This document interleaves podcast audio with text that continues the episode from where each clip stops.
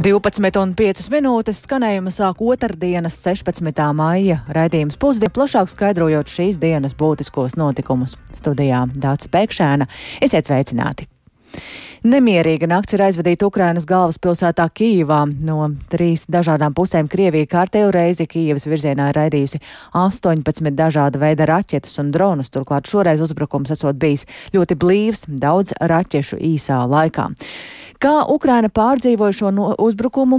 To mums ir iespēja šobrīd pavaicāt Latvijas radio korespondentei Ukrainā Indrai Sprāncei. Labdien, Indra! Labdien! Jā, Ukraiņas gaisa spēku pārstāvi pagājušās nakts uzbrukumu galvaspilsētā raksturo kā vienu no spēcīgākajiem kopš Krievijas vispārējā iebrukuma sākuma. Tātad, kā jau minējāt, kopumā pagājušā naktī Krievija uzbruka Ukrainai no ziemeļiem, dienvidiem un austrumiem ar 18 dažādu veidu gaisa, jūras un sauszemes raķetēm, tajā skaitā arī sešām kinžāla raķetēm, kas ilgu laiku tika uzskatīti par Ukraiņiem nepieveicamām tehniski iemeslu pēc pēc, bet uh, tagad uzlabojoties pretgaisa aizsardzības tehniskām iespējām, nu jau pēc, par, pēc vairākiem uzbrukumiem Ukraiņi ziņo arī par šo raķešu notriekšanu. Un šorīt Ukraiņas amatpersonas ziņoja, ka pilnīgi visas uz Kīivas virzienā raidītās raķetes ir notriektas. Varam paklausīties mazu fragmentiņu, kā šonakt pēc trījiem no rīta skanēja kaujas debesīs virs Kīivas.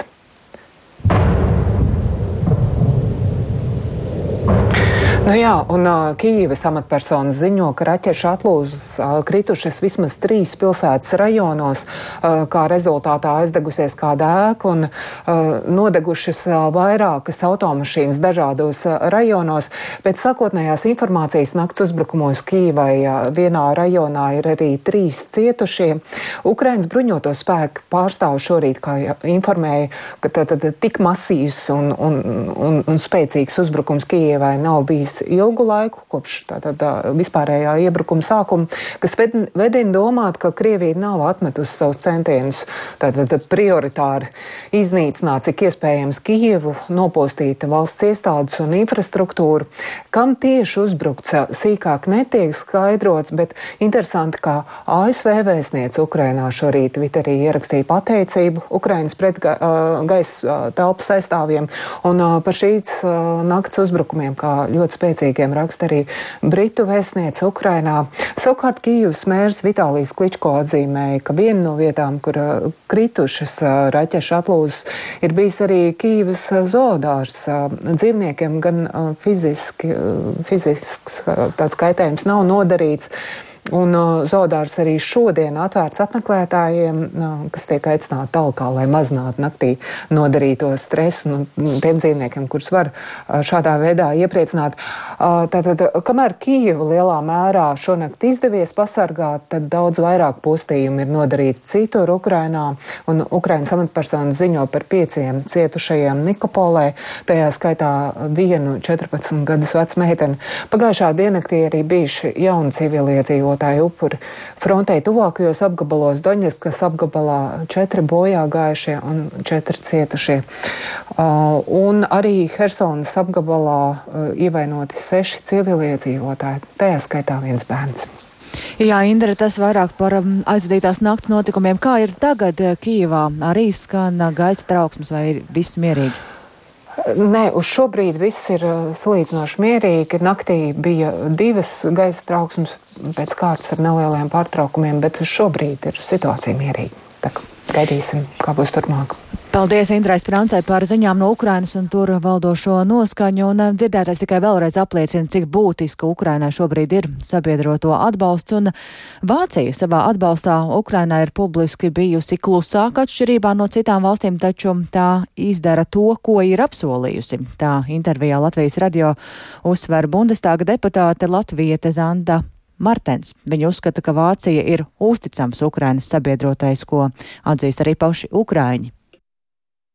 Nevar noliegt, sākotnēji arī Vācija saņēma ļoti, ļoti daudz kritikas par to, ka mēs nepietiekami ātri, nepietiekami enerģiski palīdzējām Ukrainai, un tās diskusijas un tie pārmetumi pēdējo mēnešu laikā ir tiešām apklusuši. Arī paši Ukrainas pārstāvji pēdējā laikā pavisam godīgi atzīst, ka tā jau nemaz nav, ka Vācija neko nepalīdzētu un nesniegtu palīdzību gan jautājumos, kas saistīti ar ieročiem, gan citādu palīdzību. Un man šķiet, ka ja tiešām pavisam konkrēti skatās uz statistiku un ne tikai uz ziņām Twitterī vai emocijām, kuras tiek izplatīts, bet tiešām pavisam skaidrus uz skaitļiem un datiem, tad ir tiešām redzams, ka Vācija ir ne tikai solījusi sniegt palīdzību, kā daudzas citas valsts, bet patiešām arī ir to darījusi un ir ļoti uzticams partners. Arī to atzīst Ukraiņi, ka mēs varbūt neesam tie, kuri eh, no paša sākuma visvairāk sola un visvairāk rāda televīzijā savus valsts vīrus, kuri izstāsta, ko viņi visi tikai nav apsolījuši apsolījuši.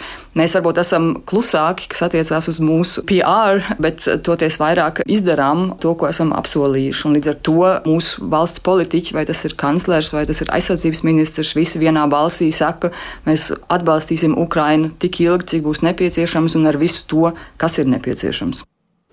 Tikko dzirdējāt Vācijas parlamenta deputāti Latvieti Zandu Martens un par tikko pieminēto Vācijas atbalstu Ukrainai, kā arī citiem jautājumiem, tā skaitā arī par Vācijas problēmām ekonomikā un imigrācijā, kā arī jautājumiem, kas skara Latvijas politiku. Varēsiet dzirdēt plašāku sarunu Latvijas radio eterā sestdien, un pilna intervija būs lasāma arī sabiedrisko mediju portālā LSMLV. Tikmēr valsts valodas centra Latviešu valodas ekspertu komisijas sociālajos tīklos ir nākusi klajā ar ieteikumu Kaļiņingradai latviešu valodā atjaunot vēsturisko nosaukumu - Karaļauči vai Kēnigsberga, vai un kuru no šiem variantiem. Viens no aktīvākajiem komentāru autoriem ir Latvijas Universitātes profesors Valdis Muktpāvels, kurš pats vairāk kārtīgi ir ceļojis šajā senajā Baltu teritorijā, kas pēc otrā pasaules kara kļuva par Krievijas anklāvu latviski iegājies tieši šis te no vācu valodas, tātad Kenigsberga. No vācu Königsberga. Tātad karaļa kalns, burtiski, vai ķēniņa kalns.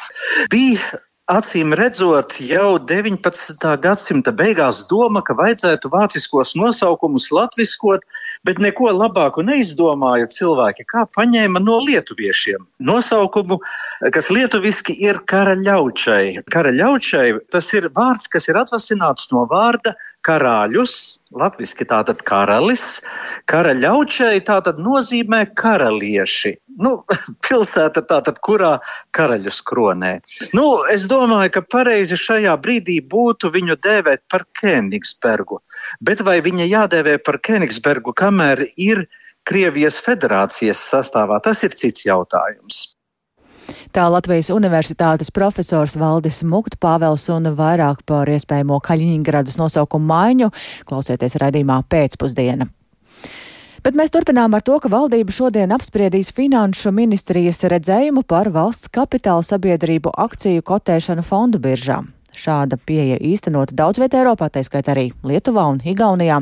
Premjers ir uzsvērs, ka tas lielās kapitāla sabiedrības atbrīvotu no politiskas ietekmes, savukārt eksperti šo soli sauc par ļoti vajadzīgu valsts ekonomikas attīstībai. Vairāk šajā jautājumā iedziļinājies kolēģis Jānis Kīncis, kurš šobrīd pievienojas tiešai. Sveiks, Jānis!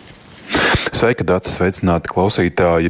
Šodien valdības sēdē skatāmais Finanšu ministrijas informatīvais ziņojums ir par Latvijas kapitāla tirgus tālāku attīstību un tajā skaitā arī valsts kapitāla sabiedrību daļu kotēšanu biržā. Ministrijas vērtējumā tas dot iespēju uzņēmumiem piesaistīt finansējumu kapitāla tirgos attīstības mērķu finansēšanai un jaunām investīcijām. Un šādā veidā varētu veicināt arī ārvalstu investoru interesi. Tāpat tas arī plašākai sabiedrībai pašmājās dotu iespēju ieguldīt līdzekļus kapitāla tirgū, sagaidot no tā lielāku atdevi. Un, uh, Valdība šajā jautājumā šodien tādus konkrētus lēmumus vēl nepieņems. Ir paredzēts uzdot nozaru ministrijām līdz 15. oktobrim identificēt tos uzņēmumus, kas būtu spējīgi piesaistīt finansējumu kapitāla tirgū. To šorīt Latvijas radio pauda Finanšu ministrijas valsts sekretāras vietniece finanšu jautājumos Līga Kļaviņa.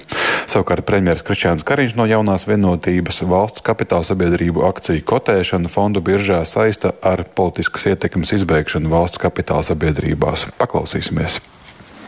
Mūsu lielās valsts kapitāla sabiedrības, kā nu kura reizēm tiek pārvaldīta arī ar tiešu politisko ietekmi, ka mēs teikt ar dievas tai politiskai ietekmei un atvērt durvis atklātumam, ko nodrošina kotēšana vai daļa akciju kotēšana fonda biržā un, protams, jaunu kapitālu piesaist, lai mēs viņus varētu beigt atturēt ar savām politiskām vēlmēm kontrolēt valsts uzņēmumus un atbrīvot to lielo ekonomisko potenciālu, lai viņi varētu pilnīgi brīvi no politikas, konkrētai skaitā Eiropas tirgu un nest eh, sev, saviem akcionāriem un līdz ar to mūsu valstī daudz lielāku labumu.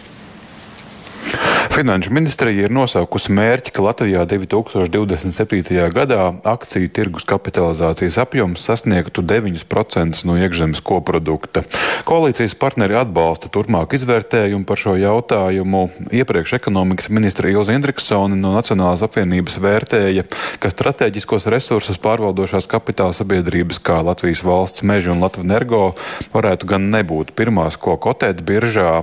Tiesa, Igaunijā un Lietuvā jau vairākus gadus var iegādāties lielo valsts uzņēmumu vērtspapīrus, tajā skaitā arī Igaunijas enerģijas ražotāja Enefit un Lietuvas Ignit, Ignitis akcijas. Šis ir viens no iemesliem, kāpēc Latvija ekonomiskās attīstības ziņā tas, ka šāda praksa Latvijā nav ieviesta, ir viens no iemesliem, kāpēc Latvija ekonomiskās attīstības ziņā atpaliek no kaimiņiem Baltijā. Tā iepriekš vērtēja biržas Nasdaq Rīga valdes priekšsādātāja Daiga Auzeņa Melauksne.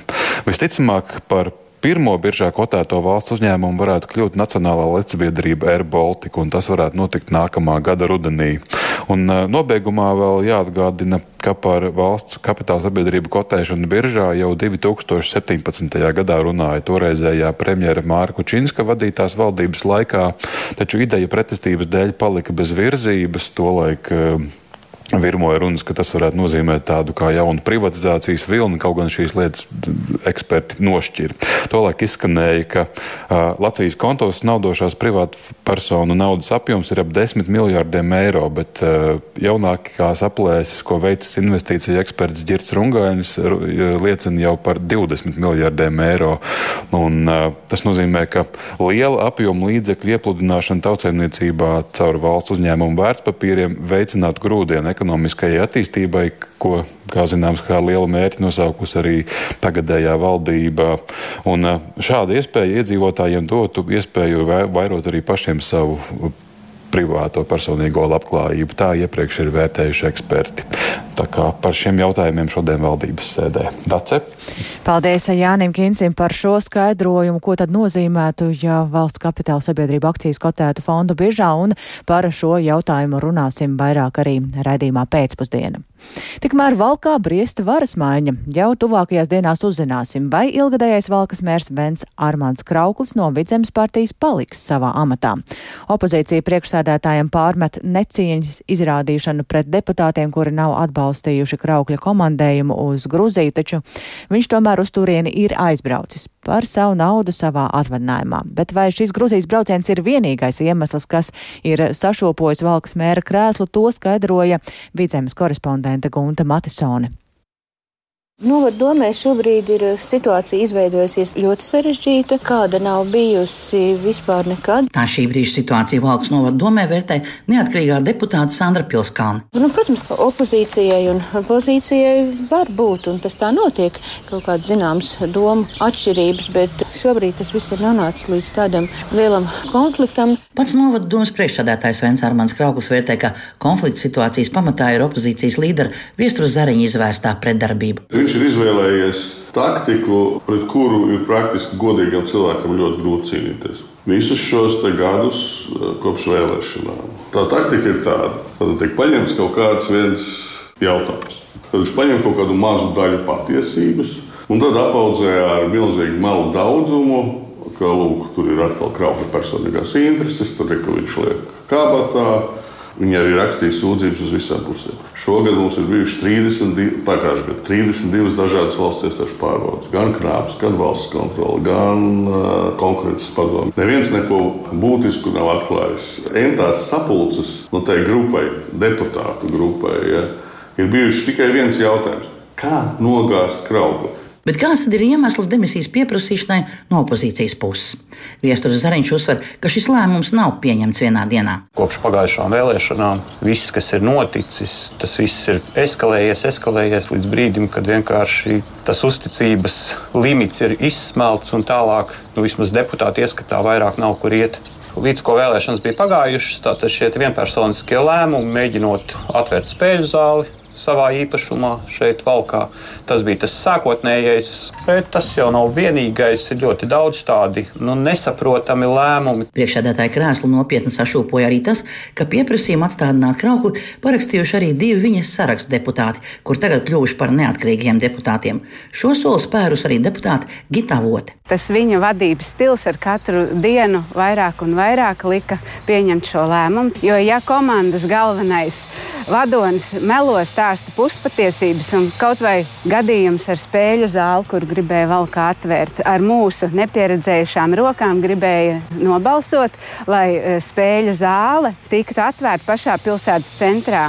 Un mums tika stāstīts, ka partijas disciplīna, partijas disciplīna, visi par vienu atšķirties domas nevar. Savu viļņošanās šobrīd ir arī sociālajos tīklos, bet, piemēram, vairākos novada veiklos vēlētāji ir aicināti parakstīt vēstuli, lai mandātus noliktu divi krākļu sarakstu deputāti, kur parakstīja iesniegumu par atbrīvošanu. Jā, bet ko tad par demisijas pieprasīšanu domā paši valcēnieši? Acīm redzot, ka kāds cits grib būt mērs. Es nezinu, vai šobrīd tās pārmaiņas ir vajadzīgas, bet varbūt ir vajadzīgas. Es nenosodu visus pārējos, bet es esmu par ventu. Jo es redzu viņa darbību, un uh, viņa visu sirdi un dvēseli, kā viņš atdodas un kā valka ir pārvērtusies. Es, es neredzu citu līderi pagaidām. Es īsti neizprotu to visu. Nu, es kā jaunā māmiņa uzskatu, to, ka man ir liels prieks, ka pilsēta ir kas tomēr sakopta. Viedoklis ir tāds, ka ļoti labs saimnieks ir pilsētai. Bet runājot par kraukļu paveikto valks attīstībā, savs iebildums ir opozīcijai. Bet vai cits ir mēģinājis darīt? Kāpēc tādi tik ļoti lieli apgalvojumi, ka Vents ir ļoti daudz izdarījis? Vai tad citam ir bijusi iespēja kaut ko pierādīt? 20 gadus viņš te ir grozījies, varbūt ar citu rokām būtu daudz vairāk kas izdarīts. Ja uzskaitītu visus pārmetumus, kurus viena puse pārmet otrai, sanāktu ļoti garš saraksts. Taču starp pārmetumiem par vadības stilu vienai pusē, par dažādu interešu lobēšanu un lēmumu bloķēšanu otrai pusē, ir arī kāds gluži privāts aspekts. Nu, viņš arī gribēja man ģimeni izjaukt, kas ir piemeta pagala visām tām personīgām attiecībām. Zariņš gan atzīst, ka tas vairs šobrīd nav aktuāli. Nē, sievietes jau ir sen beigušās un beidzās jau faktiski pirms vēlēšanām. Bet vai pēc līdzinājā priekšsēdētāja atstādināšanas Valks novada domē iestāsies mierīgi līdzās pastāvēšana un būs rezultatīvs darbs? Tur jābūt gaišaģim, lai, lai pateikt, kā īsti būs. Jā, un mums ģērbonī ir, ir, ir, ir lācis, es nezinu, kāds lēmums lācis ir jāvērt. Tātad ārkārtas domas sēde Valkā paredzēta šīs ceturtdienas pēcpusdienā. Gunta Matisona, Latvijas Rādio vidzemē. Dabas aizsardzības pārvalde aicina ikvienu iedzīvotāju ziņot par bīstamajām invazīvajām sugām Latvijā. To var darīt vietnē invazīvs LV. Kā šorīt kolēģiem Martais Kujai un Laurim Zvēniekam programmā labrīt sacīja Latvijā Nature invazīvo sugu nodaļas vadītāja Santa Rutkovska, Tās ir svežzemju sugas, kuras jauši vai nejauši uz Latviju atvedis cilvēks, un tās iedzīvojoties kļuvušas invazīvas un arī apdraud Latvijas dabu. Rutkovs uzsver, ka mūsdienīga dabas aizsardzība ir balstīta zinātnē un kas būtiski sadarbībā. Katra iedzīvotāja ziņojums ir svarīgs, lai zinātnieki savāktu iespējami daudz datu par šo sugu, saprastu, kur tā labāk izplatās, kur tās ir mazāk, kas tai patīk, kas tai nepatīk un vieglāk saprast un secināt, kāda pareizā metode vienā vai otrā vietā būtu jāpielieto, lai tas darbs tiešām būtu efektīvs. Jo vislētākā, visefektīvākā, vislabākā metode, kā cīnīties ar invazīvām sugām, ir neielaist viņas savā zemē vai neielaist savā valstī. Un tāpēc īpaša uzmanība būtu jāpievērš tām sugām, kuru Latvijā vēl nav, bet viņas, piemēram, ir Lietuvā vai Igaunijā bet tās varētu ienākt, jo tie klimatiskie apstākļi mainās. Diemžēl invazīvajām sugām par labu. Kopumā tad uz šo procesu mums raudzīties kā uz zinātnisku izpēti un gaidīt, kamēr tā informācija būs pietiekami apkopota, un tad zinātnieki nāks klajā ar saviem ieteikumiem. Ar invazīvām sugām mēs varam tikt galā tikai tad, kad darām visi kopā. Gan iedzīvotāji ziņo, zinātnieki apkopo informāciju, bet vienlaikus par tām sugām kas ir invazīvo sugu pārvaldniekā, noteikti jau ir jārīkojas arī tagad. Un nevis vienkārši izraut ārā un nomest, bet pirmkārt vislabāk ir raut ārā pirms ziedēšanas, lai nesāk veidoties sēklas un viņas neizplatās. Piemēram, puķu spriganei ir tāda nejauka īpašība, ka viņas stumbri veidos gaisa saknes. Tas nozīmē, nometīšu, tā gaisa sakne sasniegs augsni, turpinās augt, ziedēt un vairoties. Tātad tas efekts nebūs panākts. Man ir jāizvāc tas no dabas jāizmet drošā vietā, tas pats par Kanādas zeltgalvīti, pirms ziedēšanas. Tagad viegli raujas ārā ar visu sakni. Protams, ja tie ir hektāri, tas sarežģīti, bet ja ir atsevišķi krūmi vai augi, droši. Tas nozīmē, ka vismaz šis krūms tālāk neizplatīsies. Mēs katrs varam sniegt savu ieguldījumu, lai saglabātu mūsu dabas daudzveidību. Tā invazīvo sugu nodaļas vadītāja Santa Rutkovska. Un vēl ir pasliktinājusies Latvijas skolēnu lasīt prasme, taču starptautiski tā joprojām ir augstāka par vidējo. Tā liecina starptautiska pētījuma rezultāti, kurām pētīja Latvijas sākuma skolēnu lasīt prasmi. Plašāk par šiem rezultātiem un to, kā tie ir iegūti, zina stāstīt kolēģi Agnija Lazdiņa, kura šobrīd pievienojas studijā un ir arī aprunājusies ar iesaistītajiem vairāk. Sveika, Agnija, saki, kā šādi nu, neiepriecinoši tomēr rezultāti ir iegūti? Labdien! Jā, tātad šis starptautiskās lasītprasmes novērtēšanas pētījums ir pētījums, kas mēra to, cik labi skolēni saprot to, ko viņi izlasa. Un uh, lasītprasmi mēra skolēniem 4. klases beigās. Pētījums notiek ik pēc pieciem gadiem kopš 2001. gada, un Latvija ir piedalījusies šajā pētījumā četras reizes. Tests ir vienkāršs, divas mācību stundas, skolēni lasa divus tekstus un atbild uz jautājumiem par to. Bet uh, par rezultātiem 2021. gada pētījumā piedalījās 50 26 valstis. Latvijā šajā pētījumā piedalījās vairāk nekā 4000 skolēnu no 156 dažādām Latvijas skolām. Līdz šim mūsu skolēnu rezultāti ir bijuši augsti, taču 2021. gada rezultāti rāda, ka sasniegumi ir ievērojami pazeminājušies salīdzinot ar 2016. gadu. Ja skatās starptautiskajā tabulā, tad agrāk šajā 2016. gadā mēs bijām 11. vietā starp 50 valstīm, tagad 2020. 21. gadā starp 56 uh, valstīm esam 23. vietā. Sasniegumu kritums ir vienlīdz skāris visas skolēnu grupas, gan meitenes, gan zēnus, gan laukus, gan pilsētas, gan labos, gan sliktos lasītājus, tostarp visus reģionus. Tā tad nav grupas, kurai no tā izdotos izvairīties. Bet, kā uzsver Latvijas Universitātes pedagoģijas, psiholoģijas un mākslas fakultātes profesore un Latvijas uni Universitātes izglītības pētniecības institūta vadošā pētniece Antra Ozola, ir svarīgi, no kuras puses uz rezultātiem skatās. Un, ja mēs tagad salīdzinām 21. gada rezultātus ar 16. gadu, tad mēs redzam sasniegumu kritumu. Pirms tam mums bija sasnieguma pieaugums, mēs bijām tīri priecīgi. Tagad uh, visi šie globāli izaicinājumi, gan pandēmija, gan jaunu satura ieviešana, viss tas vienlaicīgi attālinātās mācības, tas viss ir skāris mūsu sākuma skolas skolēnu mācību sasniegumus, un tie ir tagad zemāki nekā bija. Tomēr joprojām ir arī labās ziņas. Šeit vidējie sasniegumi Latvijā joprojām ir augstāki par starptautisko vidējo. Tā kā kopumā jau mēs izskatāmies pietiekami labi. Tā tad ir arī labā ziņa, bet, eh, ja salīdzina sasniegumu starpības starp šiem abiem gadiem, tad mums ir viens no lielākajiem kritumiem. Tāds pats uh, ir kritums ir arī kā Kazahstānai un Azerbaidžānai. Lielāka starpība vēl ir tikai Dienvidāfrikai. Tāpat eh, rezultāti liecina, ka ir samazinājies to skolēnu skaits, kas ir ļoti labi lasītāji. Turpretī palielinājies to skolēnu skaits, kuriem ir ļoti zema lasīt prasme. Ja agrāk tie bija 1 līdz 2% skolēnu, tad tagad tie ir 6%. Taču, kā norāda eksperti, tas atbilst starptautiski vidējiem rādītājiem, līdz ar to tas vienkārši parāda, ka šādu skolēnu vien esot vairāk nekā agrāk bija. Starpība ir ir arī starp zēniem un meitenēm. Meitenes joprojām ir labākas lasītājas, zēniem ir zemāki sasniegumi. Taču salīdzinot ar 2016. gadu, zēniem kritums ir bijis lielāks, un īpaši kritiski lasīšanas sasniegumi ir zēniem laukos, jo tie ir zemāki par starptautiski vidējo. Un jūs pirmie dzirdējāt profesors un pētniecis Antrs Ozols teikto par iemesliem, kāpēc rezultāti ir tādi, kādi tie ir, un tāpat arī, ka kopumā mūsu skolēnu lasīt prasme izskatās labi, un jāatzīst, ka arī citi eksperti ir līdzīgā savās domās, uzsverot, ka šī ir iespēja ne tikai domāt par to skolēnu līmenī, proti, ka, kā situāciju uzlabot, bet arī visas sabiedrības līmenī. Paldies Agnijai Lazdiņai, tas tātad par Latvijas skolēnu lasīt prasmi, un ar šo stāstu izskana raidījums pusdiena.